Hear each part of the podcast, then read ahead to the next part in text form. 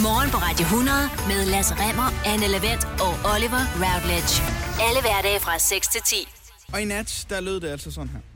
The Oscar goes to Another Round, Denmark, directed by Thomas Vinterberg. Another Round, Denmark, directed by Thomas Winterberg. Også kendt som druk. Også kendt som Druk. Thomas Winterberg, Mads Mikkelsen, Lars Rante, Magnus Milang, Susse Vold Susse Vold, og mange flere. Thomas Bo Larsen, Ja, tak. vinder altså en Oscar-statuette som den bedste internationale film. 10 år siden, at vi senest har vundet en Oscar her i Danmark. Ja, Og det skal det, hvor er det stort. Og det skal fejres, Anne. Ja. Og øh, druk handler jo om øh, det her med, at man lever ud fra filosofien fra en norsk filosof, om at det er federe at leve livet med en, en halv promille hele tiden, og så øh, er det hele lidt sjovere og lidt bedre. Mm. Og det er fire midalderne mænd. Mm. Derfor, så får en dig, Anne, lige nu. Der står, og, og det er det fede for dig, en ispiskende, dejlig, kold øl. Fordi hvis det virker i livet generelt, så må det jo også virke på arbejdspladsen. Det er meget sødt, at du... Øh, Og derfor så tænker jeg, og det, det er måske lidt øh, kontroversielt, for jeg har også øh, en øl her. Yes, sådan der. Der er vist noget med en alkoholpolitik herude. Øh, det, jeg tænker, at man ser, Og chefer finder ikke ud af det her. jeg tænker, man ser igennem fingrene med det. Ja. For jeg har også en, og jeg synes, vi skal skåle for Thomas Winterberg og for, og for druk. Og så lige... Øh, så bliver vi nødt til at tale om den her film, og at øh, der er vundet en Oscar-statuette, indtil at vi er færdige med de her ølerne. Øhm, jeg, jeg er ikke så glad for øl, men det er meget sødt af dig, at du har givet mig en kold øl Ja, på glasflaske. Ja. Og du har hentet et glas også. Det, det havde jeg faktisk ikke regnet med. Der troede du var lidt mere nordjysk, at man bare drikker på flasken. Men okay. men jeg ved også, at du har brug for et glas. Jamen, det er rigtigt. Men jeg har simpelthen... Øh... Skål. Åh, det lugter Skål, dårligt. Mm. Uh, det er tidligt, var. Hold da op. Det, der så sker, efter at øh, det blev, Så kold er den altså heller at ikke. det er blevet officielt, at Thomas Winterberg Druk vinder den her Oscar, det er jo Thomas Winterberg, han skal holde en takketale. Og det gør han. Og det er øhm, en meget, meget smuk og meget, meget rørende takketale. Øhm, og den synes jeg, vi skal høre. Og det kan godt være, at øh, den måske lige er et minut, Anne. Men jeg synes, vi skal tage et minut ud af programmet, fordi at der sker jo det, som Thomas Winterberg også fortæller i sin takketale kort tid inde i optagelserne af mm. den her film, som altså nu har gået hen og vundet en Oscar, at øh, Thomas Winterbergs datter øh, dør. Ja, bliver dræbt i en trafikulykke, Lige præcis. mens hun er ude at rejse. Og det markerer øh, Thomas Winterberg også i den her meget, meget smukke takketale. Thank you very much. Thanks to the Academy for voting on this film. This is beyond anything I could ever imagine. Except this is something I've always imagined. Since I was five or something, I've been preparing speeches. We wanted to make a film that celebrates life.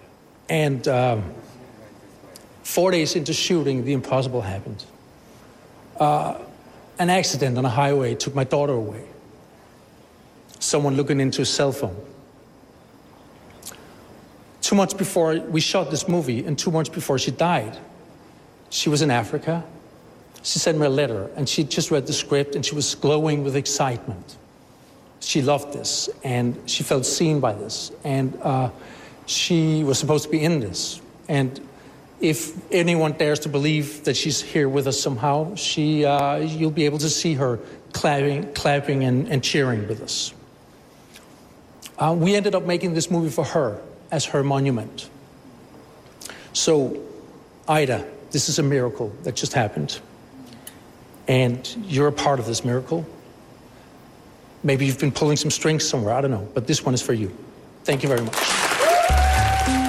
Ja, Uha, det er rørende. det er virkelig rørende. Og øhm, det er fuldstændig fantastisk og kæmpestort tillykke til Druk og, og hele holdet bag det. Hvordan går det med din øl derovre, jeg, kan Anne? ikke, jeg kan ikke lide den, Oliver. Det er fordi, jeg har drukket for meget øh, øl. Jeg er, jo, jeg er jo fra Sønderjylland, og der, øh, der Præcis. får man ikke fancy drinks og sådan noget. Til fester, der drikker man simpelthen øh, slotsøl på dåse uden pant, hentet hos Mutter Pøts. Så jeg har simpelthen drukket utallige flade, varme Jeg kan sige til dig, at jeg er færdig.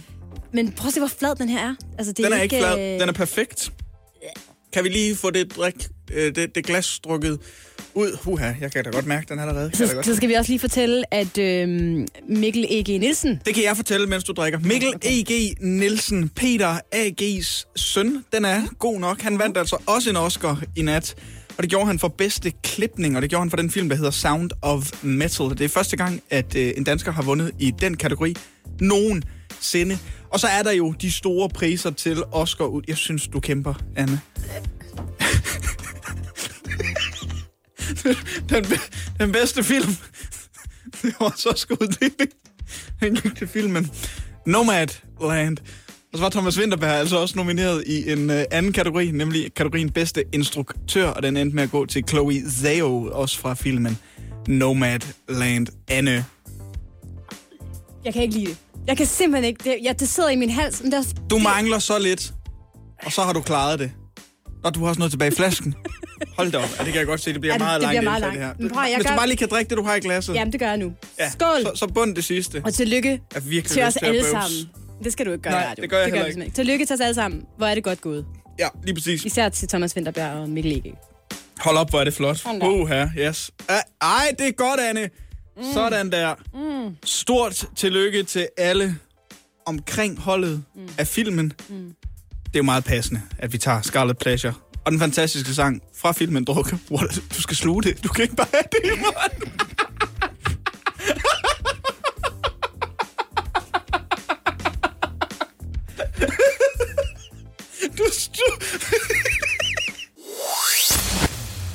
Hvis man har været på øh, Facebook det seneste års tid, vil jeg sige, så har det været svært at undgå at lægge mærke til, at der er mange danske politikere, der har fået et nyt og effektivt redskab, når det handler om at nå nye potentielle vælgere. Mm-hmm. Når øh, nyhedsmedier som TV2, BT eller Ekstrabladet, de lægger deres artikler på Facebook, øh, så skal der øh, som regel også være en øh, kommentar fra en folkevalgt politiker.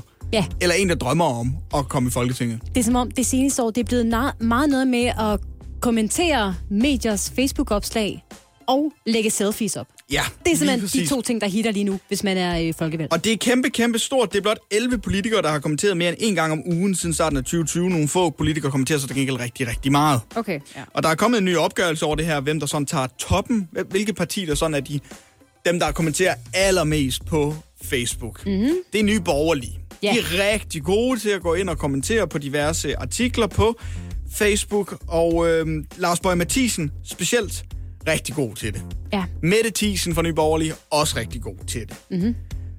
Det har fået mig til at lave en lille quiz, Anne, fordi du har også stødt på det her. Det ved jeg, mm-hmm. på de øh, sociale medier. Ja. Jeg kunne godt tænke mig at teste, hvem du mener, der har skrevet følgende kommentarer til nogle artikler.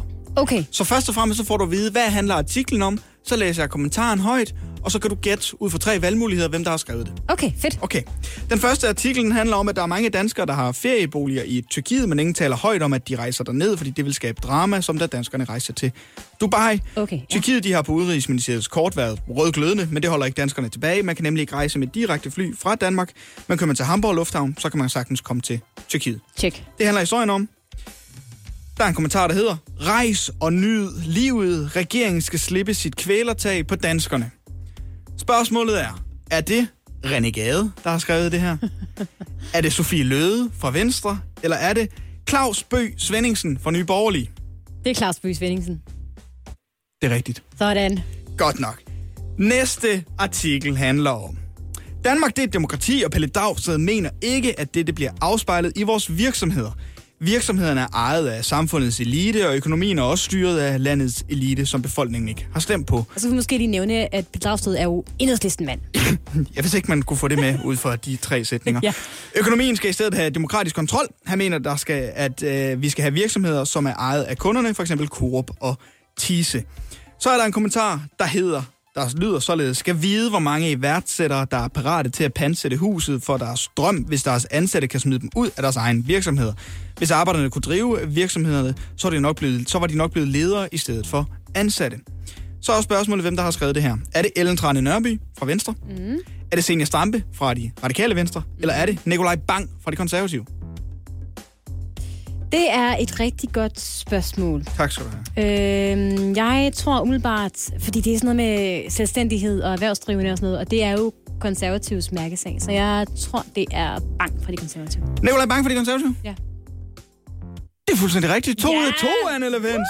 Du er skarp på de her Facebook-kommentarer. Ja. Du får lige en uh, sidste historie her, og den handler om, at bar og restauranter de er åbnet igen, men vores skolebørn de er stadigvæk hjemsendt fra skolen. Og det har fået en del til at undre sig over prioriteringen af den her genåbning af samfundet. Flere skeptikere mener, at det er økonomien, der styrer genåbningen, og den er svær at forklare over for eleverne, som bare gerne vil tilbage i skolen. Okay, ja. Så er der en kommentar her, der lyder. Det er ærgerligt, at Anders Ladekarl accepterer den præmis, at man ikke kan sende børnene i skole på fuld tid, selvom restauranterne med VR har åbent. Selvfølgelig kan det gøres på ansvarlig vis. Vi må ikke acceptere nedlukningen som en new normal. Ja. Sådan lyder kommentaren. Spørgsmålet er så, hvem der har Det er i skrevet hvert fald ikke en fra regeringen. Er det Troels Ravn fra Socialdemokratiet? Nej. Er det Pernille Vermund fra Nye Borgerlige? Ja, det kunne godt være. Eller er det Martin Gertsen fra Venstre? Åh, ja. det kan både være Venstre og Nye Borgerlige. Vi har været ved Nye Borgerlige, så jeg siger, det er Martin Gertsen fra Venstre. Det er fuldstændig rigtigt, Anne. men har jeg Tre ud af tre. Hvor er det flot. Din præmie, det er en uh, kold pilsner som Det- en fejring. nej, hvor nej, det vil jeg simpelthen ikke. Nej, det vil Nå. jeg ikke. Det her er morgen på Radio 100. Highlights. Det er blevet tid til Hvad i alverden? Vores udenrigsmagasin her i morgen på Radio 100, fordi vi jo er et program med internationalt udsyn og indblik, fordi der hele tiden sker ting ude i verden, som jeg synes, vi bliver nødt til at forholde os til, hvad end vi kan lide det eller ej. Jeg har det stadigvæk stramt med titlen. Ikke mindst fordi du også kalder det for et udenrigsmagasin, og det er lidt ligesom at kalde en flyer for et månedsblad. Og i dag i Hvad i alverden skal vi en tur til Japan, hvor en øh, 39-årig mand ved navn Takashi Mayakawa er blevet sigtet for bedrageri i en noget usædvanlig sag. Jeg skal lige have det der navn en 3-4 gange til. Takashi Mayakawa, Og det var en gang. Takashi Mayakawa, Ja, Takashi Mayakawa. sådan der. Jeg vidste Den det. her mand har gennem en længere øh, årrække været en rigtig øh, Don Juan og datet adskillige kvinder på samme tid. Godt en ham. overgang. Ja. 35 kvinder på én gang. Takashi Miyagawa, Og det, og det er jo, øh, hvad det er. Men grunden til, at han nu er blevet sigtet for bedrageri lige frem, det er, at hans motiv til at date de her mange kvinder samtidig var, at han ville have fødselsdagsgaver af dem. Forstået på den måde, at han... Han, så han også løjet om sin fødselsdag, ikke? Ja. ja, ja. Han har simpelthen bildt dem ind, at han havde fødselsdag på forskellige tidspunkter af året, så han hele tiden ville få en fødselsdagsgave af en dem. Han har vel savnet noget opmærksomhed. Det har jeg stor respekt for. En 47-årig kvinde, som uh, Takashi Mayagawa datede, fik at vide, at han havde fødselsdag den 22. februar. Ja. En anden kvinde, uh, en på 40, fik at vide, at han havde fødselsdag i juli. Og en anden kvinde, en 35-årig, fik at vide, at han havde fødselsdag i april. Og så videre, og så videre, gange 35. Han vil Og bare det- gerne have en lind strøm af gaver. Og jo. det virkede faktisk virkelig godt. Ja. Han fik gave efter gave efter gave, indtil nogen, og det er jo frygteligt, nogle af de her kvinder begyndte at tale sammen. Ja, Nå, det er det værste. Og de fandt ud af, der er Japan heller ikke større. at hinanden eksisterede. Ja. Og så sker der jo det, at de her øh, 35 kvinder simpelthen øh, i samlet flok går til politiet her i februar måned. Siden har politiet så efterforsket sagen, og nu er han altså, Takashi Mayagawa, blevet anholdt og sigtet for bedrageri. Ja. Og det viser sig, at han i løbet af det seneste års tid har modtaget gaver fra de her øh, kvinder for omkring 100.000 yen, hvilket svarer til lidt under 6.000 kroner. Nå, altså af en 40-50 kvinder i alt, eller sådan noget. De har givet ham en gave til 150 kroner hver, eller et eller andet. Hvad, Ish, ja. hvad, hvad er det her? Et eller andet, man har taget i klassens time, eller hvad? Det, det er da en mærkelig ting at blive sur over. Jeg, jeg, fordi jeg, jeg vil jo nødt gøre det til en uh, ting om kvinder og mænd, men jeg vil da bare lige gerne, gerne gøre opmærksom på, at der kører stadigvæk masser af tv-reklamer omkring bestemte højtider, som ligesom antyder, at kvinder bliver sure, hvis de ikke får chokolade eller blomster, ikke? Politiet... Så øh, jeg kan da godt forstå, at der er en mand engang imellem, der lige siger, hvad med, hvad med lige til... Hvad med mig, ja. Ja, hvad med, øh, til os med tidsmænd. Vi vil også ja. gerne have noget. Politiet er øh, i gang med at finde ud af, om der er andre kvinder involveret i den her øh, fødselsdagsgave svindel. Det kan jo godt være, at der har været flere end de 35 flere, der er blevet kvinder, taget der er blevet øh, svindlet til at give ham en fødselsdagsgave ja. på en dag, hvor han ikke havde fødselsdag. Men kan vi ikke blive enige om, at hvis han kun har bedt om én fødselsdagsgave om året fra hver af dem, ja. så er det jo ikke så meget snyd. Så er det mere spørgsmål, om han har spredt sin fødselsdag ja. ud over flere dage. Men han er jo, øh, øh det er jo falske fødselsdage. Jo, men har der ikke været nede 100-kroner tradition for, at kvinder lyver om deres alder. Jeg synes, det var... Han har bedt om en fødselsdag. Han har jo ligesom bare sagt, prøv at høre, du gik glip af min fødselsdag her i februar. Vi har først lige mødt hinanden. Men hvad med, at vi siger, at jeg har fødselsdag i juli? Jeg er til gengæld imponeret over, at han overhovedet har så mange fødselsdagsønsker. Altså, fordi hver eneste gang, det er fødselsdag eller jul, og jeg skal skrive en liste, så bliver jeg en lille smule... Øh, hedder sådan noget, panisk, fordi jeg, jeg har svært ved at finde ud af, hvad jeg skal ønske mig. Det er sikkert ligesom en kleptoman. Der er flere ting, han ikke har ønsket, som man bare tænkt, ja, så skal jeg da have et askebær, hvis det er Ja, det. eller så har han gjort, som alle kvinder gør, når man er i et forhold til dem og siger, du kan bare overraske mig med noget. Jeg, du får ikke en ønskeseddel. Det vil bare være et byttemærke på. Jeg vil glæde mig til at finde ud af, hvad du køber Jeg til regner mig. det med, at synes, ja, jeg har brug du- for. Du hvor kender ligesom, mig rigtig godt. Ja, jeg vil gerne føle mig set. Og det er alt, hvad jeg beder om. Det er bare noget, der gør, at jeg helt ind i knoglerne tænker, du ved, hvem jeg er, du er min sjælefælde. Og det er alt, hvad jeg gerne vil have. Så købte jeg et spejl, og så blev hun sur så hun lige havde en mulighed for at se sig selv. få sig selv på den måde. Jeg kan også se, at I sidder og øh, tripper nu for at få at vide, hvornår Takashi Magawas rigtige fødselsdag egentlig Hvornår var. er det? Jamen, det er øh, den 13. november. Hjælp en, du holder af med at tage det første skridt til bedre hørelse. Få et gratis og uforpligtende hørebesøg af Audionovas mobile hørecenter. Så klarer vi det hele ved første besøg, tryk dig nemt i eget hjem. Bestil et gratis hørebesøg på audionova.dk eller ring 70 60 66 66. Vi er på vej fra Lejre på Sjælland til Aarhus. Vi har tanket to gange undervejs. Børnene har tisset tre gange hver. Og nu sidder vi her fast på E45. Skyd genvej med Molslinjen og få et frikvarter på turen. Book billet fra 249 i vores app eller på molslinjen.dk. Kom til festival i Føtex og få fantastiske priser til festlige øjeblikke. Få for eksempel Stenovnsbagt pizza på frost. Flere varianter til 15 kroner. Eller hvad med juice eller smoothie fra Innocent til kun 20 kroner. Du får også en trepak Lucky Dametrusser til blot 95 kroner. Vi ses i Føtex på Føtex.dk eller i din Føtex Plus-app. Mine damer og herrer, det er nu, jeg skal bede om at tage det godt med. Her er svært. Oliver Rowlett. Ja. Han måtte godt smitte mig med forårsyge. Så er det nemlig blevet tirsdag igen, mine damer og herrer. Det betyder jo, at verdens bedste krejlerindslag er tilbage i din radio. Verdens bedste radiokrejlerindslag Jeg har bare skrevet krejlerindslag i dag. på radioen. Hvad er det værd, quizzen? Den mest omfavnsrige og spændingsfyldte quiz meget længe. Og den nuværende stilling er 7. 1, 2, 3, 4, 5, 6, 7, 5 til Anne Lavendt. Ved du, hvad jeg kalder dig, når jeg snakker om dig? Siger jeg, han er min øh, gode, unge kollega og krejlerprins. Ja, Aha. det er jeg ikke tilfreds med. Han er krejler kronprins, det vil vise sig. Og som altid med denne spændingsfyldte og omfavnende Chris, k- Chris quiz, øh, så er der også mulighed for, at du kan gætte med, kære lytter. Ind forbi vores Instagram-side, vi hedder Radio100.dk. Tjek vores story, kom med dit bud på dagens produkt, så kan det være dig, der vinder en Radio 100-kop ved udgangen af april her. Lad Chris Chris quiz. Som den jo hedder. Anne og Lasse, hvad tænker I om dagens produkt? Jeg tænker, at køberskaren til øh, dagens produkt Er stort. er Bred. øh, Større end det plejer at være. bredere end normalt. Ja. Det vil jeg tak. godt, det vil jeg godt give dig. Ja, tak. Vil I gerne vide lidt mere? Lige så bredt, som produktet er. Er det sådan, øh, er det meningen, at skal bruge som sofabord for folk uden smag? Fordi så har jeg haft sådan en på et tidspunkt. Det kunne jeg- kan du godt filme mig. Det tror jeg, jeg har. Prøv at høre det her. det er en gammel kistebænk, som stammer fra en ældre dansk færge. Ikke nærmere specificeret, hvilken færge det er. Massivt sinkesamlet teak og mahoni. Men altså, så, kunne man så have sådan noget hønder til havemøbler i den, eller sådan noget? Det kunne man måske godt bruge. Det, kan, ved Den det ikke, er- kan det stå udenfor? 60 gange 165 cm og 54 cm høj. Ja, så kan man ikke sove i den. Nej. Den har stået på dækket som bænk og været brugt til opbevaring af redningsveste. Ja, tak. Så har den stået udenfor, ikke? Jamen, ja. Det er super patina, det her, skriver dagens sælger så. Så det er altså en Dårlig kistebænk, vedligeholdt teak. som er super patina. Spørgsmålet er så bare, hvad den skal koste.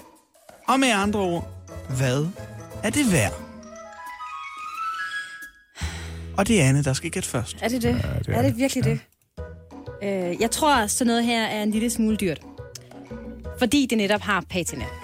Og det er tik. Altså, tiktræ er jo ekstremt populært i Hvis- øjeblikket. Er i hvert fald min fornemmelse. Jeg er i gang med at mit bud ned. Hvis det gør Øhm. øh, noget for jeres øh, bud, så vil jeg godt tilføje, at det er i Københavnsområdet, det her det er. Ja. Oh, så det hæver lige prisen. Altså, havde det været i Jylland et andet sted, så havde den kostet i hvert fald det halve af, hvad den kommer til at koste i København. Jeg har super dårlig erfaring med det her, men jeg lå som mit bud. Øh, Øh, jeg er til gengæld lidt i tvivl om, hvem der skulle. Det ikke, fordi man kan have den i en lejlighed eller på en altan, kommer den også til at fylde ret meget. Er du i gang med at ændre synspunkt og sige, at det er en snæver skare?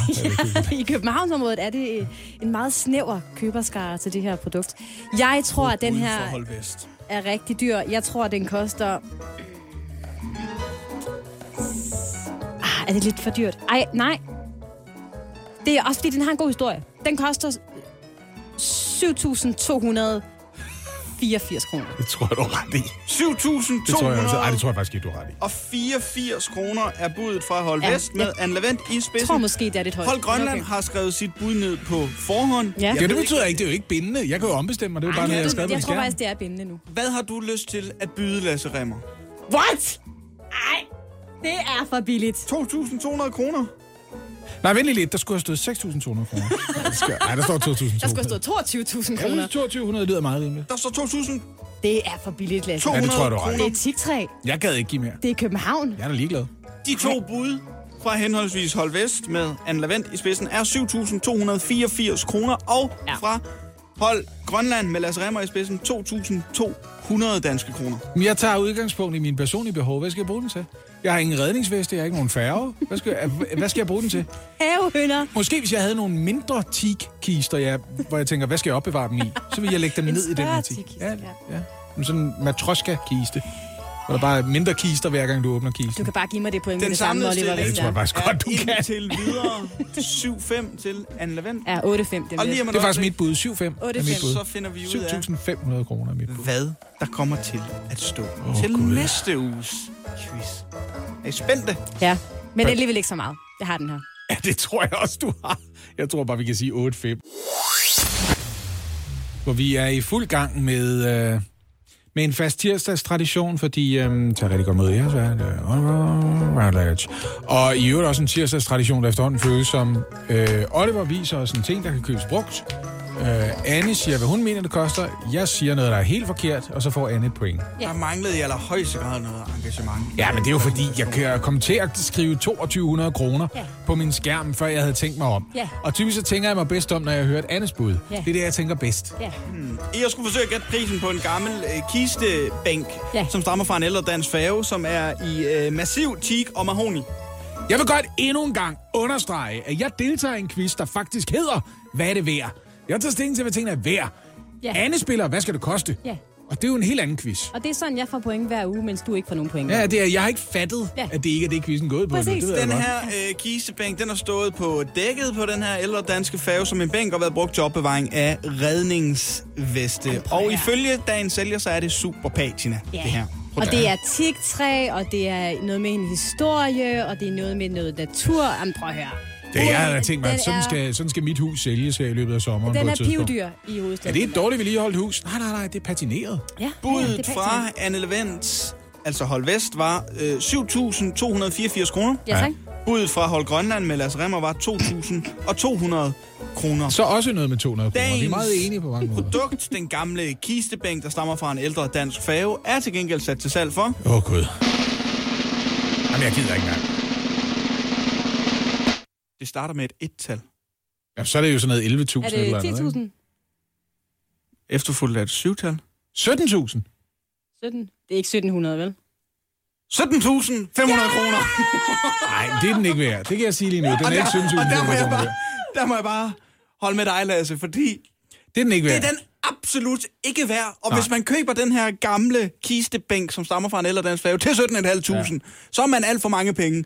Og så skal man donere nogle af dem til Og noget det var Krejlerkongen, der gættede 15.000 kroner Jamen, jeg, jeg vil også bare lige sige, at hvis du giver 17.500 kroner for den der kiste, så har jeg en Øresundsbro, jeg gerne vil sælge dig. Ja. Du kommer bare Øh, forbi. Anne vandt Du får også altså, nogle havvindmøller med i prisen. Det er også dine. Du, du køber dem bare. Anne vandt dagens Hvad er det værd quiz med et bud, der var 10.226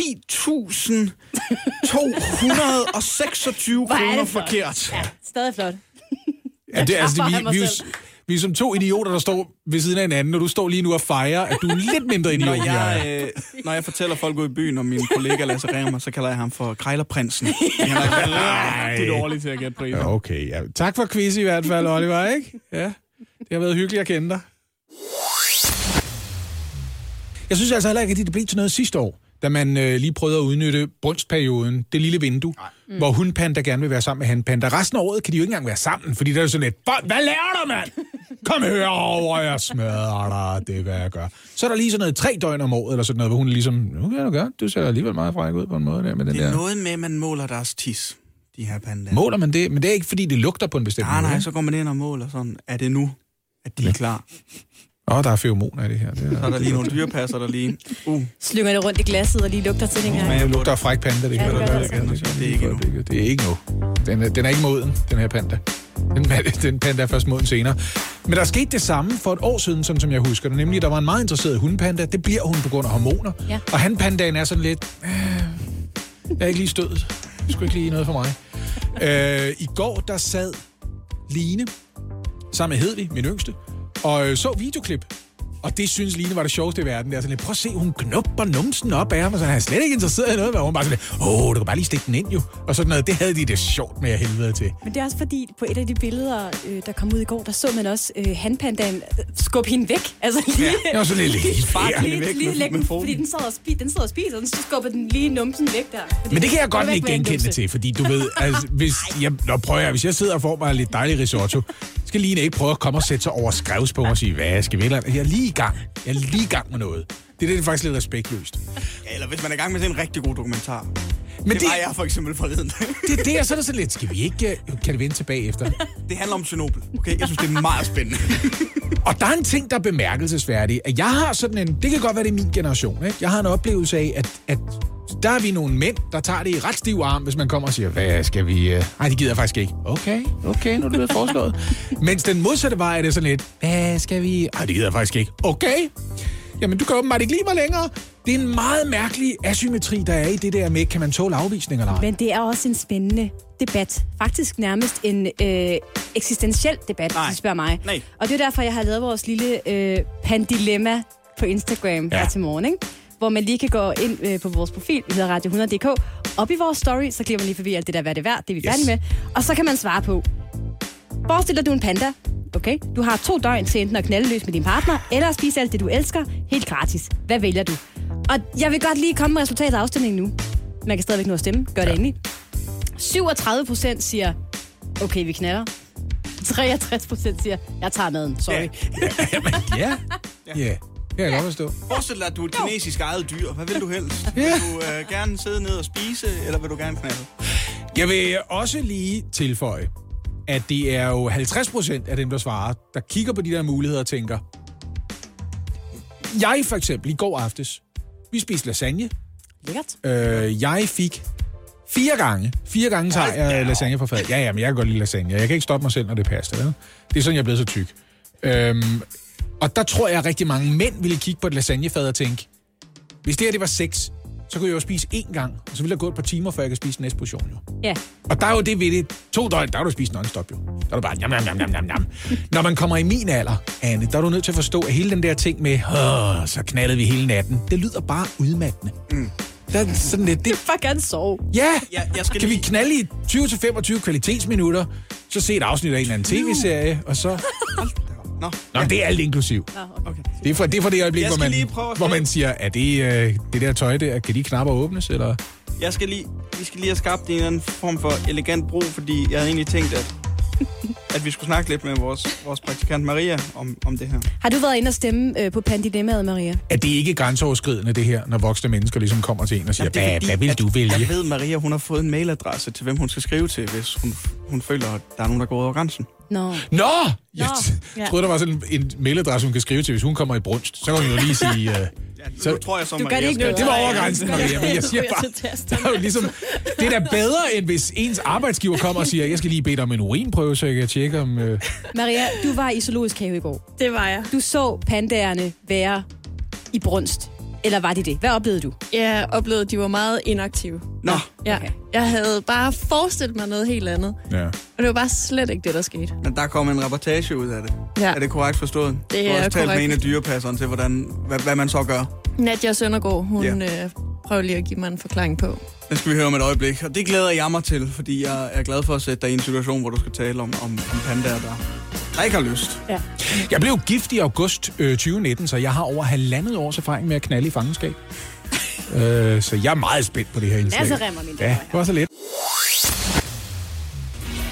På en måde er det her jo et meget passende nummer, I'm Still Standing, fordi jeg føler med Københavns Zoologiske Haves øh, handpanda på rigtig mange måder. Det kan godt være, og det anerkender jeg, at kvinder nu om stunder kæmper med urealistiske skønhedsidealer og forventninger fra samfundet og fra andre kvinder og fra kvinder selv til sig selv, sådan i det hele taget. Set i forhold til for eksempel skønhed og krop. Men for mænds vedkommende, der vil jeg altså sige, at fiktionsserier og film skaber en eller anden urealistisk forventning om, at det øjeblik en kvinde peger på en mands skridt og knapper hans bukser op, bam, så er der reaktion. Og sådan er det ikke. Øh, hverken for 49-årige mænd eller for øh, pandager, Nej. kan jeg fortælle jer. Der skal man lige sweet talkes lidt og sige, Men for en hey, 25-årig. virker det sådan som 25 Ja, det er også min erindring, at det virker sådan som 25-årig. Men der er jo også det ved det. Jeg var lige i min egen lille verden. Men jeg, jeg vil også lige sige det her, Oliver. Jeg husker det sådan fra 25 år, Det ikke? behøver du ikke sige. Nå, det vil jeg, jeg, godt lige jeg, jeg kan mærke på dig. Jeg tror slet ikke, du behøver at sige det. Nå, men jeg, kan, jeg, jeg har brug for at dele det. Øh, Maria? Jeg tror, alle vil blive gladere for det. Jeg har stadigvæk den der mail der. Ja, godt. Der er det ved det, at når man er øh, 25, så er der også det ved det, at det, jeg tror ikke, det smiger øh, ens kæreste for eksempel helt så meget. Fordi hun ved også godt, sådan vil du reagere på alt muligt. Jo. Altså, der, der kunne jo komme nogen lige nu og sige, skal, skal der have en dejlig bøf? Yes. Så vil... Pandaer fungerer en lille smule anderledes, øh, må vi øh, forstå. Er, det, Og jeg... jeg- laver lige nu, er det oversharing? Ja. Eller, ja okay. Øh, jeg Maria, vi har sendt dig i uh, Zoologisk Have i går. Ja. Øhm, hvor var det, hvad var det, vi du var i gang nu? med? Jeg kan sige, at hunden, den stod ikke op. Oh, godt. Ja. Vi skal lige høre Marias reportage fra uh, Zoologisk Have. Godt, tak. Jeg er i dag taget ud til Københavns Zoo for at se altså magien opstå mellem to pandaer, fordi øh, det er altså nu, at øh, vi skal have en pandaunge i øh, Dansk Zoologisk Have. Og det skal jeg ud og øh, se nærmere på i dag, og øh, se to pandaer være dybt forelskede i hinanden. Det glæder mig sindssygt meget til at se. Altså, det, øh, det bliver årets begivenhed, det her. Det kan jeg godt love jer for. Det bliver lidt vulgært at sige det her, men jeg glæder mig simpelthen sådan til at se det. De kommer til at være i action. De plejer at være det dogneste dyr, fordi de spiser bambus, og der er ingen energi og så videre i dem. Men de her dage her, der kan jeg godt love jer for, magien, den er helt i top. Vi kan vist roligt sige, at Xing han, øh, her de sidste par dage ikke har lavet så meget andet, end øh, han gør lige nu, nemlig at spise. Han har ikke været øh, særlig interesseret i hende, så øh, vi har skilt dem ad, og de går nu hver for sig. Ja, det er nok lidt en skuffende øh, oplysning, jeg har på det, men jeg er simpelthen enten er jeg kommet for sent, eller også er der bare ikke sket noget som helst, fordi pandaerne, de går altså ikke sammen længere. Mausun, hun går ikke og knupper numsen op i hovedet på Sing, så ja, der, der er faktisk ikke sket noget. Jeg står her med Nadja Søndergaard, som er dyrepasser her i Københavns Zoo, og vi står lige ved siden af øh, han, pandaen, der sidder meget maligt hernede i øh, anlægget og spiser lidt af sin bambus, og øh, hunden, hun er altså ikke tæt på længere. Hvorfor er det, han ikke øh, tænder på hende? Ja, det vil vi også gerne vide. øh, det er svært at sige, der kan være mange ting. Øh, det er stadig nogle unge pandaer. Øh, han bliver 8 lige om lidt, hun bliver 7, så de er stadig, øh, ja, har ikke så meget erfaring på livet, så at sige. Øh, men hvad, det, hvad det lige præcis er, det ved vi simpelthen ikke. Øh, men det er selvfølgelig noget, vi vil bestræbe os på at finde ud af. Øh, og så håber vi bare næste år, det bliver, det bliver pandaåret, vores år, og så, så må vi jo prøve os lidt frem. Det virker til, at de skal have lidt mere hjælp til at finde ud af, hvordan og hvorledes. Øh, så det må vi jo se. Hvordan kan man hjælpe dem så med at få magien til at opstå? Ja, jamen altså, det kan, det kan vi prøve på ved at, at, at trække dem lidt på nogle, nogle, nogle forskellige måder. For eksempel så kan vi øh, ja, høre vores kollegaer rundt omkring i, i Europa, om vi ikke må låne noget urin fra deres hænder, øh, sådan at vi skaber en form for konkurrence, så Xing her, han ikke bare hviler på laverbærene, men altså, han kan lugte, at okay, hvis jeg vil have hende, så, øh, så skal jeg også tage mig sammen, for der er altså nogle store hanner i nærheden her, så vi kan, vi kan sprøjte med lidt andet urin herinde, ikke? Øhm, for, for at få sat i gang i noget der. Så det, det er sådan nogle ting, som man, øh, at, at vi kan prøve på at gøre. Nu har jeg stået her ved pandaanlægget i et stykke tid, og øhm, ja, jeg skal ikke gøre mig til parterapeut, men altså, det virker umiddelbart overhovedet ikke som om, at øh, Singh, han har taget sig af, at der har været en hund i anlægget. Han sidder og spiser, som vi har set mange billeder og film af, øhm, og har faktisk ikke rørt sig ud af flækken en eneste gang. Til gengæld, så har vi Mausun over på den anden side af hegnet, og hun er godt og grundigt smadret. Jeg ved ikke, om det er, fordi at hun er deprimeret, øh, eller ked af det, eller hun bare er virkelig, virkelig træt af alle de anstrengelser, som hun har gjort sig for at øh, få Xing til at være interesseret i hende. Men i hvert fald, hun ligger helt krøl sammen op ad hegnet og er rigtig træt. Det blev altså ikke i år, at øh, der skulle opstå magi mellem de to pandaer. Vi øh, håber selvfølgelig på, at næste år, der er den hjemme. Men lige nu er der altså ikke sket noget.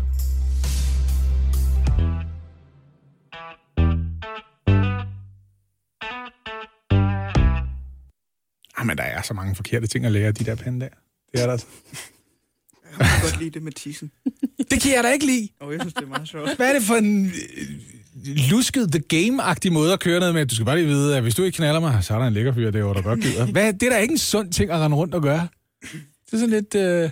Pandaer for helvede, Lasse. Men det er også det, de er jo ikke, de er jo ikke så kloge. Den har jo ikke set en panda, en anden handpanda i, øh, i flere år, og så tænker den lige pludselig, nu kan jeg lugte noget tis, så må der være nogen i nærheden. Det er da typisk sådan, man ved, der er andre mænd i nærheden. Hvis der har lugter af tis. Der må der være en stor, flot han i nærheden her. Det kan jeg da godt mærke. Det er lørdag nat, og har lugter af pis. Det er... Er der en eller anden form for crossfitter herovre, eller hvad? er han er? Er over i porten? Jeg er ked af, at du ikke fik, øh, at de ikke bollede, mens du var der, Maria. Men godt arbejde. Tak. Morgen på Radio 100. Highlights. Det er min musikalske creme brûlée, Sikander Siddiq. I kender ham. Den danske Malcolm X. Den eneste autentiske brune stemme i Folketinget. Fuck de andre. Mm. Øhm, han har fået en pris. Nå, det er da ret vildt. Den gik til Greta Thunberg øh, sidste år. Det er, øhm, det er en pris, der hedder Human Act Award. Nå. Aldrig hørt om den. Og med den følger... Øh, det er det, men den har en øh, international pengepræmie knyttet til. Okay. 100.000 dollars. Okay. Og det er pudsigt, Dollars? Fordi, ja, det er, en, øh, det er en dansk forretningsmand, som har oprettet den sammen med sin kone.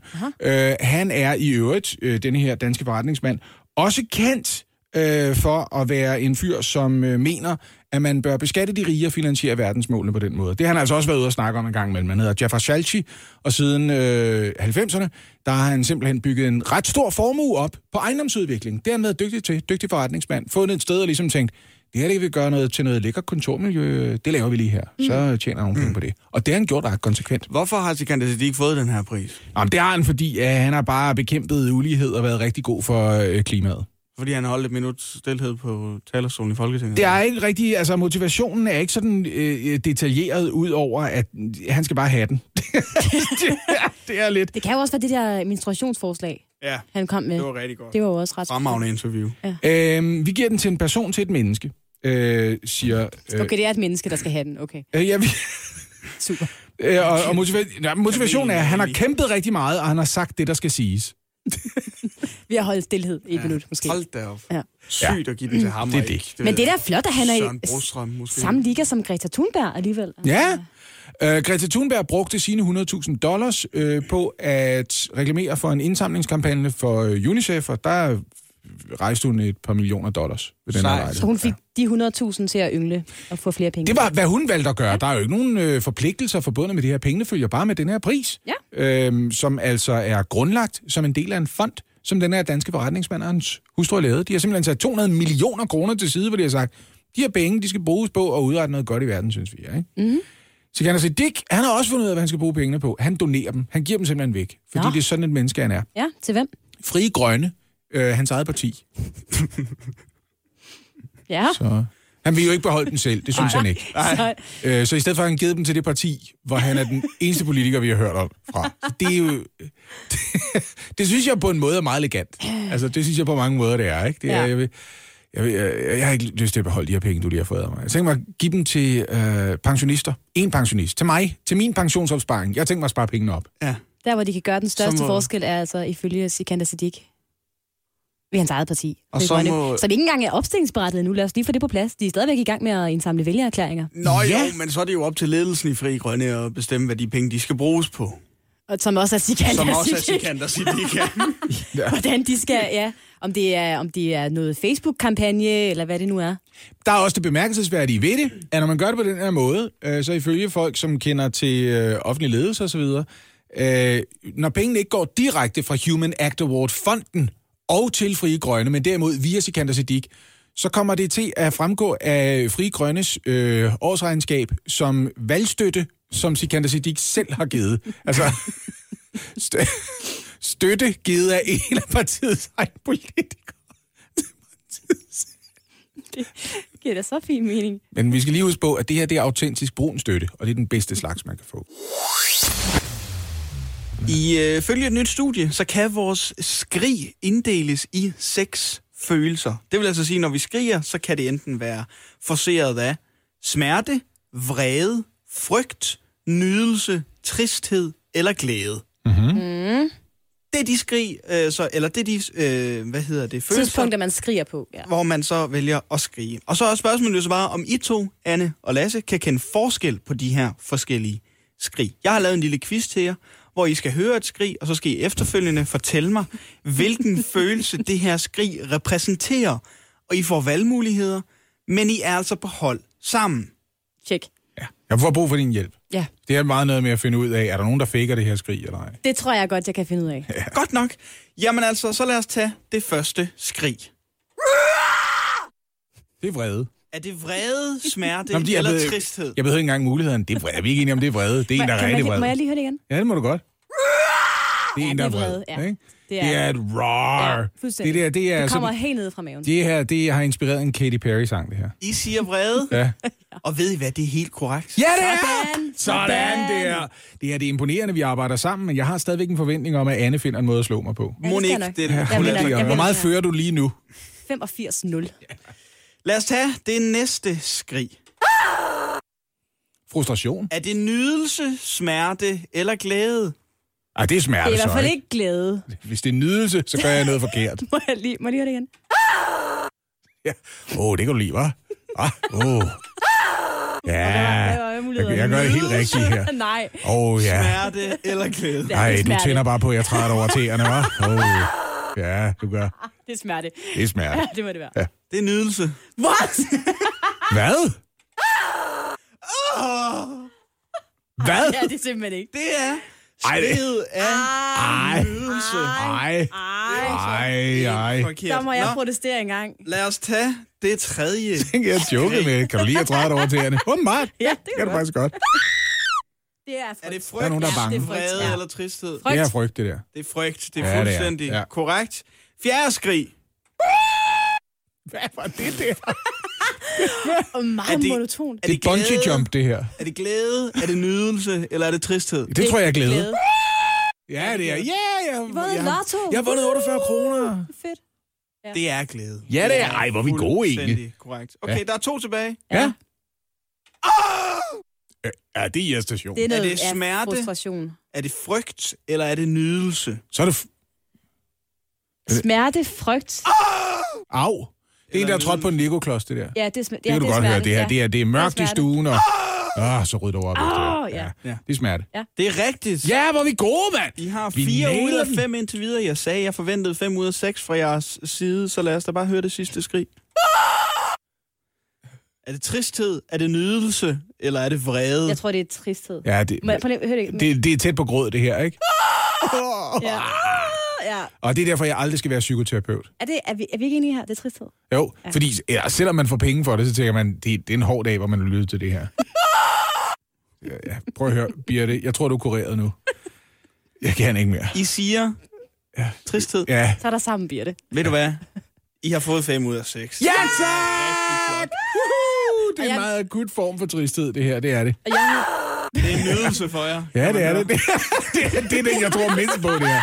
Det her, der hedder meme. Ja, det vil jeg, jeg vil godt protestere mod den der øh, nydelse. Det er simpelthen ikke sådan, det lyder. Okay. Det, det må jeg sige. Det Eller også er det i virkeligheden sådan, det lyder, og alle tager fejl. Ja, Ja, det kan være, at I to være. aldrig har oplevet rigtig nydelse. Mm, det her det er en lækker dessert. Vi skal bede dig om at gå. Øh, De andre gæster på restauranten, de har sagt, de kan ikke tåle så meget nydelse. Jeg er ked af, at, ked af at sige det. Og velkommen ind til, vi serverede den her for dig.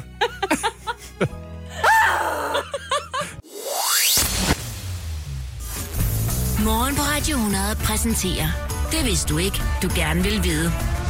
Under den kolde krig, så var der jo øh, i en gang ideologisk togtrækkeri mellem USA og Sovjetunionen især.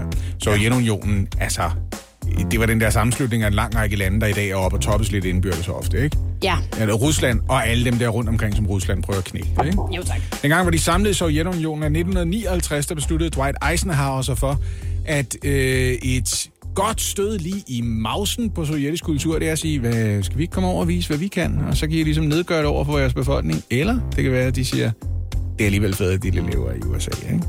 Og det sagde de sjovt nok ja til øh, øh, over i Sovjetunionen, til en såkaldt American National Exhibition. Den kom til at foregå i Moskva. Og så kom der altså en masse amerikanske virksomheder derover, ligesom, ligesom og sagde, her hvad, hvad, hvad vi laver, er det noget, I kan lide? Ja. Blandt dem Pepsi. Pepsi ankommer og sagde, vi laver sådan en brun læskedrik, det ved jeg ikke noget, I har hørt om, men det smager sjovt nok godt sammen med vodka. Så det, det kunne da godt være, det var noget, I var interesseret i at kigge lidt nærmere på. Kapitalisme er ikke så skidt endda, hva? Kan du mærke, det er bruser en lille smule i bihulerne, når du drikker det, hva? Nikita Khrushchev. Kan du lide det?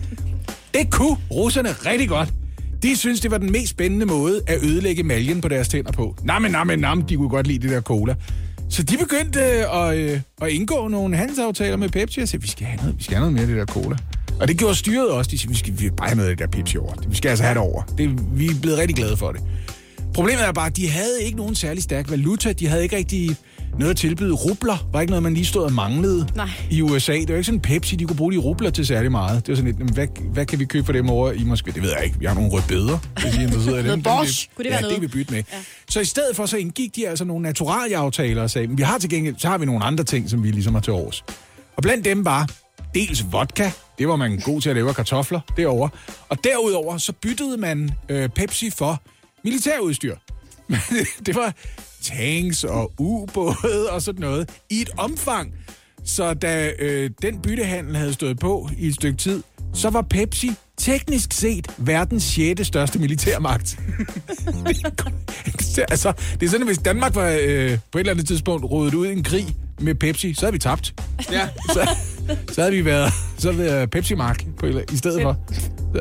De har sendt nogle flyveblade ud og nogle dåser, ramt os i hovedet og sagt, vi kommer lige om et øjeblik, så er det os, der bestemmer. Vi har en ubåd. Og I kan godt glæde jer til at smage jeres cornflakes om morgenen, for der skal ikke mælk på længere, det kan jeg godt fortælle jer. Nå, men altså det man gjorde sig i stedet for, det der var ideen fra Pepsis side, det var selvfølgelig ikke at bruge øh, det her militærudstyr i en militær forstand. I stedet for så tænkte man, "Jamen, prøv her, der er jo noget jernværdi og sådan noget i det. Så indtil man fik skrottet det og omsat det til penge, genbrugt med andre ord, råmaterialerne i det her slidte gamle militærudstyr, så var man altså teknisk set den 6. største militærmagt i verden. Okay. Så de brugte det ikke. Nej, og det, jeg tror også måske, nu sagde jeg lige den 6. største militærmagt, det kan godt være, at de sådan mål på, hvor meget udstyr de havde, men ikke på, hvor godt udstyret var. Nej. Jeg tror, det var sådan noget, hvor de tænkte, vi kan ikke bruge det længere. Og vi, vi er Sovjetunionen. Så, Tak for cola. Her er en gammel tank. ja, præcis. Det var. Men så skal vi også have 24 dåser ekstra. ja. Ja, hvis du skal have granater med, fordi, åh, det smager godt, det der Pepsi der, ikke? Det hashtag ikke sponsoreret, det hele det her indslag. Nå, hvad? Den er god. Le- jeg levede op til øh, løfterne den her gang, Godt ikke? lide den. Ja, se der. Det her er morgen på Radio 100. Highlights. Lille bededag, holder jeg af at kalde den. Fordi det er, hvad jeg bruger dagen på. Det er at bede helt småt. Og selvom det er torsdag, så holder vi fredag på en torsdag i dag. Og det betyder, at vi skal have en omgang citat-quiz. Mm. Øh, min lyd er en element. ja. Den er fra i, øh, i den er fra weekenden, men en historie, vi talte om i mandags. Øh, og den lyder sådan her. præsentere sine øh, kønsorganer lige op i hovedet på ham. Ja, det var da pandaen, de ikke gad bolle. Det var det, ja. Fremragende bosserlyd. Ja, Lasse, hvad har du? Ja, øh, jeg, jeg kan egentlig godt øh, stille et spørgsmål, som jeg tror, at øh, din bosserlyd kan besvare her. Øh, hvordan prøver jeg typisk at forføre min hustru? Præsentere sine øh, kønsorganer lige op i hovedet på ham. Ja. Ham, siger jeg faktisk, men, men ellers, Anyway. ellers close enough, ikke? Ja. Nå, men altså, min er fra den historie, Oliver havde i går, hvor han lige nåede at karakterisere seks forskellige øh, øh, betydninger, et skrig kan have. Nå ja. Ja, og det, der øh, forvirrede os... prøve at gætte det. Ja, fordi vi, vi fik fem ud af seks mulige, og den sjette, den vi fejlede på, det var den her. Fordi det er jo nydelse, det ved Det er alle. nydelse. Ja, man så godt jeg har valgt Det er et det, nydelseskrig. Det Det er, er jo så det, der sker efter... Præsentere sine øh, kønsorganer lige op i hovedet på ham. siger hun så lige bagefter, ikke? Det er sådan. Det, er, Det er jo- det, det ved man, det er reaktionen hjemme hos os, når jeg siger, hey, hey skat, Det er aktionen. jeg, også, ja. øh, Det er jeg har godt. lige tømt opvaskemaskinen. Ja, det kan du lide. Kan du? Nå, har du nogle citater, som du kan præsentere lige op i hovedet på os? Det har jeg. Øhm, skal vi måske lige fra nye lyttere, kan starte her. Undskyld for det første, hvis du er ny lytter. Øhm, altså, reglerne i uden citatquiz. Jeg læser et citat op, I bosser jer ind, og så er det op til jer at fortælle mig dels, hvem der har sagt eller skrevet citatet, mm. og dels i hvilken historie det er øh, yes. sagt eller skrevet i forbindelse med. Og det er noget, vi har talt om i løbet af øh, morgenprogrammerne i ugen her. Og jeg får ingen point, fordi typisk så vil jeg hellere spise et stykke dejlig bambus. Præcis. Ja. Første citat kommer her. Hvis nogen tror på, at hun er her med os, vil man kunne se hende klappe og hæppe. Det er fra Thomas Winterbergs takketale ved Oscar-uddelingen om hans bortgangne datter Ida, som kom så øh, ulykkeligt galt afsted i trafikuheld sammen med sin mor. Og, øh, og i hvilken kontekst holdt han den takketale? Øh, det gjorde han på scenen, da han tog imod en Oscar øh, for bedste ikke engelsksproget film. Jeg ved faktisk ikke, hvad den hedder på... Best Øh, International. ja, Best International, ikke? Og der er to point, Lasse, for det er fuldstændig korrekt. Det bliver ikke et æg i dag. Det bliver ikke et æg. Simpelthen Jeg lagt tror, dig du vinder her. i dag. Næste citat kommer her. Min mærkesag er, at jeg ikke har nogen mærkesag. What? Præsenterer sine øh, kønsorganer lige op i hovedet på ham. Oliver? Det er også en mærkesag. Jeg ved det ikke, jeg tager et gæt. Jeg tror, det er øh, Jens Rode, der har sagt det. i Ja, det forbindelse tænker med jeg hans, Øh, skift øh, til kristendemokraterne. Er du helt sikker? Nej, det jeg tror jeg også er gæt. rigtigt. Det er rigtigt! Ja, Ja, der ja, er to point. Det er nemlig Jens Rode, der øh, har som mærkesag ikke at have nogen mærkesag, efter at have, mel- have meldt sig ind i øh, kristendemokraterne. Må jeg tilføje en ting, jeg synes var en lille smule mærkelig forleden? Ja. Uh, en af mine øh, Facebook-bekendte, øh, et begavet menneske, som jeg øh, synes godt om, var lige inde og vrænge en lille smule af, at Jens Røde havde øh, svaret på et spørgsmål om, hvad hans indstilling var til abort. Og så var der sådan et, er det virkelig den vigtigste politiske sag på en måde? Jo, men han er blevet spurgt. Ja. Du kan ikke melde dig ind i kristendemokraterne, og så sige, jeg gider ikke snakke om abort. Det kommer du til. Ja. For folk kommer til at spørge, og så er du nødt til at svare en gang for alle. Ikke? Præcis. Ja. Der kommer et citat. Øh, Der står 2-2. Hold da op, det er Ja, det er spændende der. fandme spændende. Tredje Det er citat lyder sådan her. Det er lidt frustrerende at stå og kigge på. Præsenterer sine øh, kønsorganer lige op i hovedet på ham. Jamen, det er jo lyden. Det er Mads Bertelsen, hedder han. Åh, oh, tror jeg. Jo, jeg går Det er stærkt gået, mand! Jeg tror, han hedder Mads Bertelsen, og øh, han er dyrepasser i Københavns Zoologisk Have. Og det er ham, der også siger det her. Præsenterer sine øh, kønsorganer lige op i hovedet på ham. Øh, og det handler om, at øh, Xing Er og Mao Sun, øh, mest af alt Xing Er, ikke havde lyst til at øh, parre sig bold øh, med Mao Sun. Det ville Xing er jo have lyst til, hvis Xing er havde været en 25-årig mand, der bor på Vesterbro. I allerhøjeste grad. Det er vi blevet enige om nu, ikke? Det er korrekt, Oliver. Der er nemlig to point. Og hvor er det flot, at du kunne navnet. Han hedder nemlig Mads Frost Bertelsen. Han er dog ikke dyrepasser. Han er faktisk Zoolog. dyrlæge i Nå, København. for- ja, men, okay. øh, men øh, det er godt nok. 4-2 står den her. Altså, det er jo også det, der sker hjemme hos os, hvis jeg engang imellem kommer til at sige, at jeg er faktisk lidt træt i dag, kan det blive i morgen i stedet for os, Jon? Hjælp en, du holder af med at tage det første skridt til bedre hørelse. Få et gratis og uforpligtende hørebesøg af Audionovas mobile hørecenter. Så klarer vi det hele ved første besøg, tryk dig nemt i eget hjem. Bestil et gratis hørebesøg på audionova.dk eller ring 70 60 66 66. Kom til festival i Føtex og få fantastiske priser til festlige øjeblikke. Få for eksempel Stenavnsbagt pizza på frost, flere varianter til 15 kroner. Eller hvad med juice eller smoothie fra Innocent til kun 20 kroner. Du får også en trepakke Lucky Dametrusser til blot 95 kroner. Vi ses i Føtex på Føtex.dk eller i din Føtex Plus-app. Jeg tror, vi er nødt til at ringe efter en læge. Og den står øh, 4-2 i øh, ugens citatquiz. 4 til Oliver, 2 til Lasse, og der er to citater tilbage. Det er ingen skam at tabe til manden, der kan huske både for- og efternavn på den dyrlæge, som er så skuffet over, at pandaerne ikke vil knalde. Tak. Ej, den den ene panda vil godt, den anden vil ikke. Nej, præcis. Men den kan ikke få samtykke fra handen. Sam, han ville hellere samtykke på panden. Nå, På ja, ja. bambus. Ja, det er rigtigt. Den læste jeg et andet sted i går, jeg fandt ikke selv på den. Er det rigtigt? Anyway, næste citat lyder sådan her. Er I klar på jeres buzzer? Ja, tak. Skal vi ikke lige være lidt ansvarlige fortsat? Lasse Remmer? Øhm, det er jo åbenlyst en coronahistorie. Jeg kommer til at fiske mig frem til det her, for jeg har brug for Åh pointene nej, er jo. det sådan noget, du padler dig Ja, nu? jeg har lidt brug for pointene her. Men skal vi ikke lige være lidt ansvarlige fortsat, er jo øh, givetvis Jeg tror- Mette Frederiksen, som siger, det går helvede til i andre lande, og vi skal ikke droppe den der 30 minutters Må regel. jeg, må jeg hjælpe, Lasse? Ja, det er nok ikke rigtigt. Hvad er det så? Du må gerne hjælpe ham. Jeg tror, det er øh, en kommentar En på kommentar? Twitter, På Twitter? som du har nævnt. Jamen, den har jeg nævnt jo. Ja. Øh, det er Pia Olsen Dyr. Det, og jeg kan faktisk huske, hvorfor. Det er Pia Olsen Dyr, som, øh, som skrev på Twitter, og det uddelte jeg lige en onsdagshold for, for i går. Ja. Det skete, jeg kan huske det, når det var i går. Øhm, Hun siger, øh, jeg synes, vi skal have børnene tilbage i skole. Det håber jeg, Blå Blok lige vil huske på, næste gang vi skal forhandle. Og så er Søren Pape ind og sige, hvad snakker du om? Ikke lige med de ord. Hvad snakker du om, mand? Det er os, der hele tiden har sagt bag. Følger du overhovedet med? Følger du overhovedet med? Og så siger hun, jeg, ah, skulle vi nu ikke lige kigge på resultaterne af den øh, forløbige øh, åbning, Jeg ved før det vi gør ikke, det her? men jeg tror, at det er et godt bud. Det tror jeg nemlig også er rigtigt, Oliver. Det Tak fordi vi snakker os frem til det. fuldstændig forkert. Nej, det er rigtigt. Øj, det var godt. 4-4 står den her. Åh, det føles så dejligt, når jeg stadig er med. Det var rart. Så vil jeg til gengæld gerne hjælpe dig med den sidste. Okay, vi kan dele den. Ja, ikke også? Godt. Sidste citat lyder sådan her. At der følger et stort kontantbeløb med, er selvfølgelig dejligt og også ganske overvældende det for mig, som altid har boet til leje. Skal vi gøre det samtidig? Tre, 3, 2, 1. Nu. Præsenterer sine øh, kønsorganer lige op i hovedet på ham. Ja. Jeg Jeg vil siger, "Åh, godt Oliver." sige, at det er Sikander Siddiq, der Ja. har sagt det. Og han har fået Human Act Award. Der følger 100.000 dollars med. Sidste år gik den til Greta Thunberg. Hun brugte pengene på at starte en indsamling til fordel for UNICEF og fik samlet flere millioner ind. Uh, Sikander Siddiq, han sagde, jeg kan ikke beholde pengene selv, og donerede dem til Frie Grønne. Det parti, han Som, selv som er. har startet. Ja, ja det Hans eget parti. som han selv er leder af. Så. Ja. Jeg må simpelthen sige, det er fuldstændig korrekt. 5-5 i ugens citatquiz. Teamwork makes a dream vi har work. high five, når vi har øh, afsprittet. Hvor er det, hvor er det Afsprittet high five. Hvor er det flot. Det må jeg nok sige. Godt gået, venner. Tak skal I have. Ej, hvor var det fint det her. Det her, det er den stemning, der opstår, når man er på vej ind i en helligdags weekend. Ja, det er så. Det er det altså. Ja, tak Gud for det.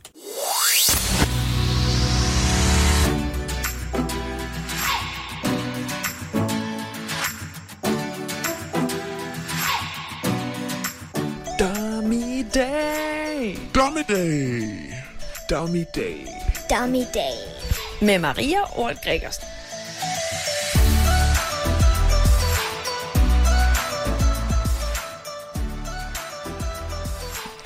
I mit dummiværksted i dag, der skal vi på en tur i hundens verden. Hunden den er nemlig kendt for at være menneskets bedste ven, og derfor synes jeg da også, at der skal være plads til den her i programmet. Og derfor har jeg altså allieret mig med en person, som hedder Ole, der har sin chow chow hund Victor. Og øh, det er jeg meget spændt på at skulle møde dem i dag. Jeg skal nemlig hjem til dem og se, hvordan at øh, man får Victor til at omgås med øh, fremmede mennesker. Det bliver utrolig spændende, det her.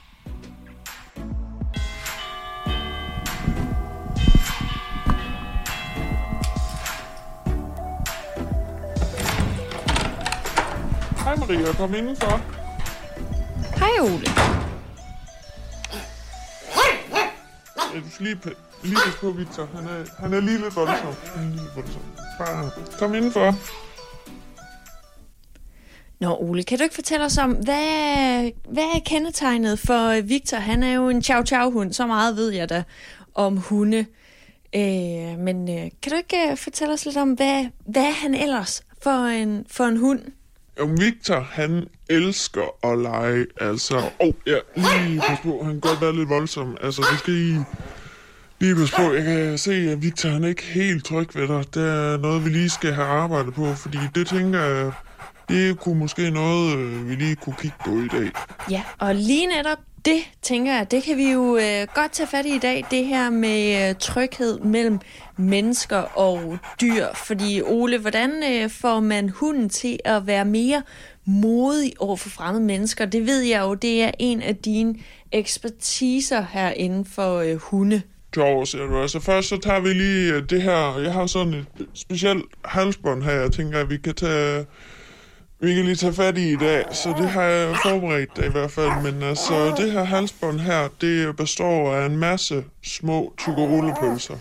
Og øh, de rullepølser, de skal ned, være nede for slagt Erik. Ham finder nede på hjørnet, men det, ja, det finder man ud af, og sådan lidt af hen ad vejen. Men altså, så hvis jeg kan bede om dit håndled her, så sætter vi lige øh, rullepølse, øh, halsbånd, ja, ja, armbånd, eller så bliver den til, rundt om dit håndled. Ja, ja, så hvis jeg lige får din arm og sætter det rundt om, så øh, skal du se her, så, øh, så får vi allerede en øh, reaktion herovre fra Victor. Han, øh, han vil gerne over til dig, ja, det kan jeg godt se. Ja, rolig nu, Victor, rolig. Ja, så, øh, så, så det allerførste step, det er, at man skal have det her øh, armbånd på. Ja, for nu kan du se, nu er jeres bånd helt tæt. Altså, Victor, han vil ikke slippe dig igen. Det kan jeg godt love dig for. Og øh, det her bånd her, det bliver ikke brudt. Det kan jeg godt love dig for. Når først han har fået færden af, at du har rullepølse med ham ned fra, ned fra slagter Erik af, ja, så, så slipper du aldrig af med Victor igen. Det kan jeg godt love dig for. Okay, jamen øh, tusind tak Ole, fordi du gav os et indblik i, hvordan man får hunden til at være mere tryg ved fremmede mennesker. Og jeg håber selvfølgelig, at du, kære lytter, kunne bruge tricket derude til næste gang, at øh, du skal møde en fremmed hund. Jeg øh, håber, at I fik noget ud af det derude, og øh, vi lyttes ved.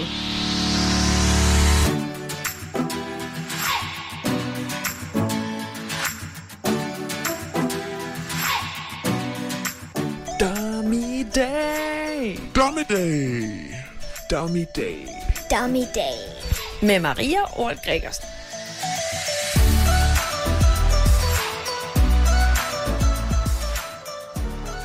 Det var altså debuten for Dummy Day, det her. Hold da op. Ah, Der er meget at tage fat på, Maria. Måske meget godt, vi har efterkritik. Ja, jeg har skrevet nogle noter. Godt. Det tager vi så lige om et øjeblik. Jeg skal lige tænke mig om, kan jeg mærke. Jeg har skrevet for mange noter herovre. Jeg skal lige være den første, der nævner. Jeg var måske den mest tilbageholdende af os, da vi øh, talte om den mulighed, at vi hver torsdag kunne have et indslag, der hedder Dummy Day, hvor vores praktikant Maria øh, forsøger sig med forskellige indslag. Ja. Og prøver at eksperimentere sig frem til sin egen stemme og så videre, fordi der sker også det, øh, at vi, vi, vi egentlig bare spiller et indslag, vi ikke har hørt, ja. før det ryger i radioen. Det er korrekt. Ja. ja. Øhm, og det var et, et spændende indslag. Hvis vi, vi, vi laver lige en, en lille kritik-sandwich. Ja, så lad mig starte med at sige, øh, du er ambitiøs, Maria. Der bliver godt nok gået til stålet her. Ja. Jeg synes for eksempel, hvis jeg bare må starte med en ting, jeg synes, det er modigt af dig øh, at lave et indslag på cirka 4 minutter, hvor de første 30 sekunder og de sidste 30 sekunder er en jingle. Hvor du får sagt dit navn rigtig mange gange. Ja, det er også, så har vi det på plads. Øh, jeg, jeg har skrevet øh, godt emnevalg. Altså hunde, det er noget, rigtig mange kan relatere til. Ja, det er noget, mange godt kan lide at høre om. Mm. Hvad jeg måske savner lidt, øh, Maria, det er det, som øh, vi i journalistisk fagsprog øh, kalder en krog. Altså, hvorfor skal vi høre om hunde i dag? Altså, er der, har du en statistik, du gerne vil præsentere i forbindelse med det? Altså, er der noget nyhedsaktuelt, man kan hænge det op på, eller er det bare, fordi du godt kan lide hunde og har lyst til at, øh, at møde en hund? Sidder man lidt tilbage med, jeg tænker. Det er da menneskets bedste ven. Og det er... Det er selvfølgelig ja, rigtigt. Det er et godt argument. Det er Ja. ikke en krog, Maria. Jeg er lidt interesseret i... Jeg synes, du bygger et flot lydunivers op omkring dit indslag, øh, Maria. Øhm, det lyder lidt som om, at øh, øhm, personen, vi er på besøg hos... Jeg har glemt hans navn allerede. Han hedder Ole. Han hedder Ole, ja. ja. Ole og Victor. Øh, det, det lyder som om, du har gjort noget ved hans stemme. Ja, øh, jeg tænker, vil han gerne være anonym? Fordi han lyder lidt sådan, som folk nogle gange gør, Ja. hvis man gerne vil anonymisere dem. I, I station 2, mens de er mørke, mørkelagt. Ja. ja. Ja, mm, det, jeg, tager, jeg tager efter kritikken til mig. Okay. Men du vil ikke svare på Du vil ikke svare på, hvorfor Ole lød lidt mærkeligt. Var passiv til det her. Nu vi er i gang med det der, det lød lidt pudsigt. Øh, den søde hund, Ole har, Chow Chow'en. Victor. Ja. Øh, Victor, øh, synes jeg skifter måske lidt toneleje ja, undervejs i jeg indslaget. Starter med at bjeffe meget lyst, men, men bjeffer mere chefagtigt måske ja. senere i indslaget. Øhm, Det er de der rullepølser, det gør noget ved Victor. nå, ja, det er Det er selvfølgelig... derfor, ja. Selvfølgelig det. Ja. Klart. Maria, øhm, al begyndelse er svær. Ja. Det er det bare. Øhm, Men ved du hvad? Godt begyndt. ja, godt begyndt. Ikke? Og vi skal måske lige have talt om på et redaktionsmøde, om, om Dommedag vender tilbage næste torsdag. Jamen, det kan godt være, det gør. Jeg har en ny idé til næste torsdag. Okay. Det, det bliver endnu bedre. Øh, Det, det tror jeg også, det kan blive. Ja. m- må jeg på hele redaktionsvejen have lov til at sige, øh, fl- øh, hårdt arbejdet. Tak.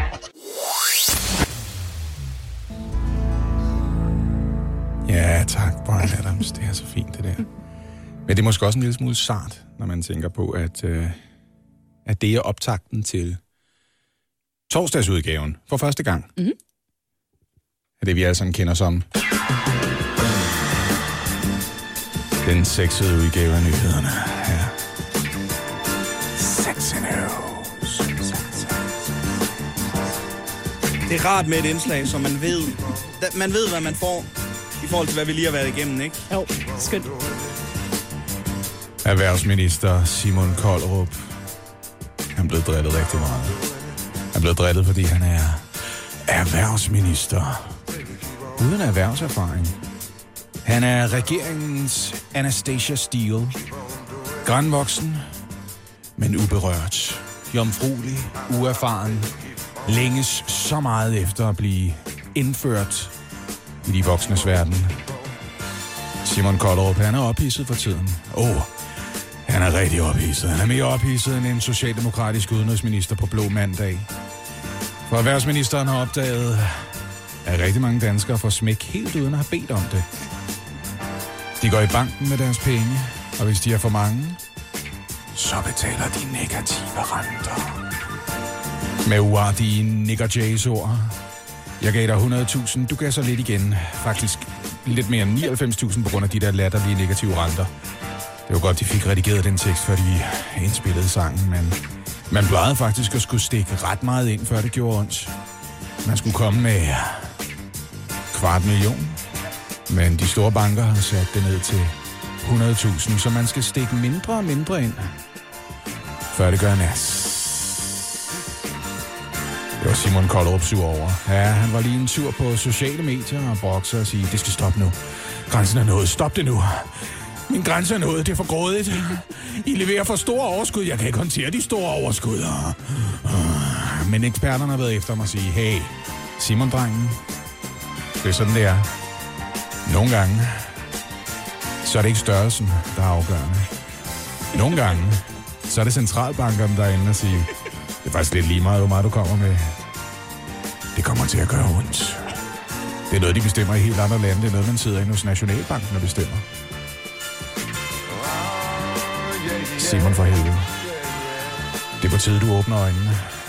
Du kan ikke sidde inde i det der dark room hele tiden. Vi er også nogle stykker, der sidder ude i baren. Bente har taget kokoskage med. Kommer ud, så snakker vi lidt om, hvad det er, du er gået ind til i den finansielle swingerklub. Det var Finansnyt, ikke? Jo. Sexy Finansnyt. Med Simon K. Han taler jo flydende tysk. Ja. Jeg synes, du, altså, du havde en oplagt mulighed for at sige Simon Kokkerup, som du missede. Simon Kokkerup. Sådan. Så kom det med alligevel, ikke? Fedt. Ej, hvor er det fedt. Det tror jeg, vi skal gøre hver torsdag og fredag fremover, det Ej, her det tror jeg faktisk. ikke, vi skal. jo, det er super hyggeligt, det her. Det kan jeg det- rigtig godt lide. Jo, det er. Fredagsting. Det er super dejligt. Kun en fredagsting. Og nogle gange skal man gøre det to gange om ugen, for at holde sammen på det hele, ikke? Det ender med, at vi går fra hinanden, hvis vi ikke gør det ofte nok. det, Lasse. Nå, okay. aldrig godt, når man planlægger. Ah, der er parterapeuter, der er uenige med dig. Morgen på Radio 100 med Lasse Remmer, Anne Lavendt og Oliver Routledge. Alle hverdage fra 6 til 10.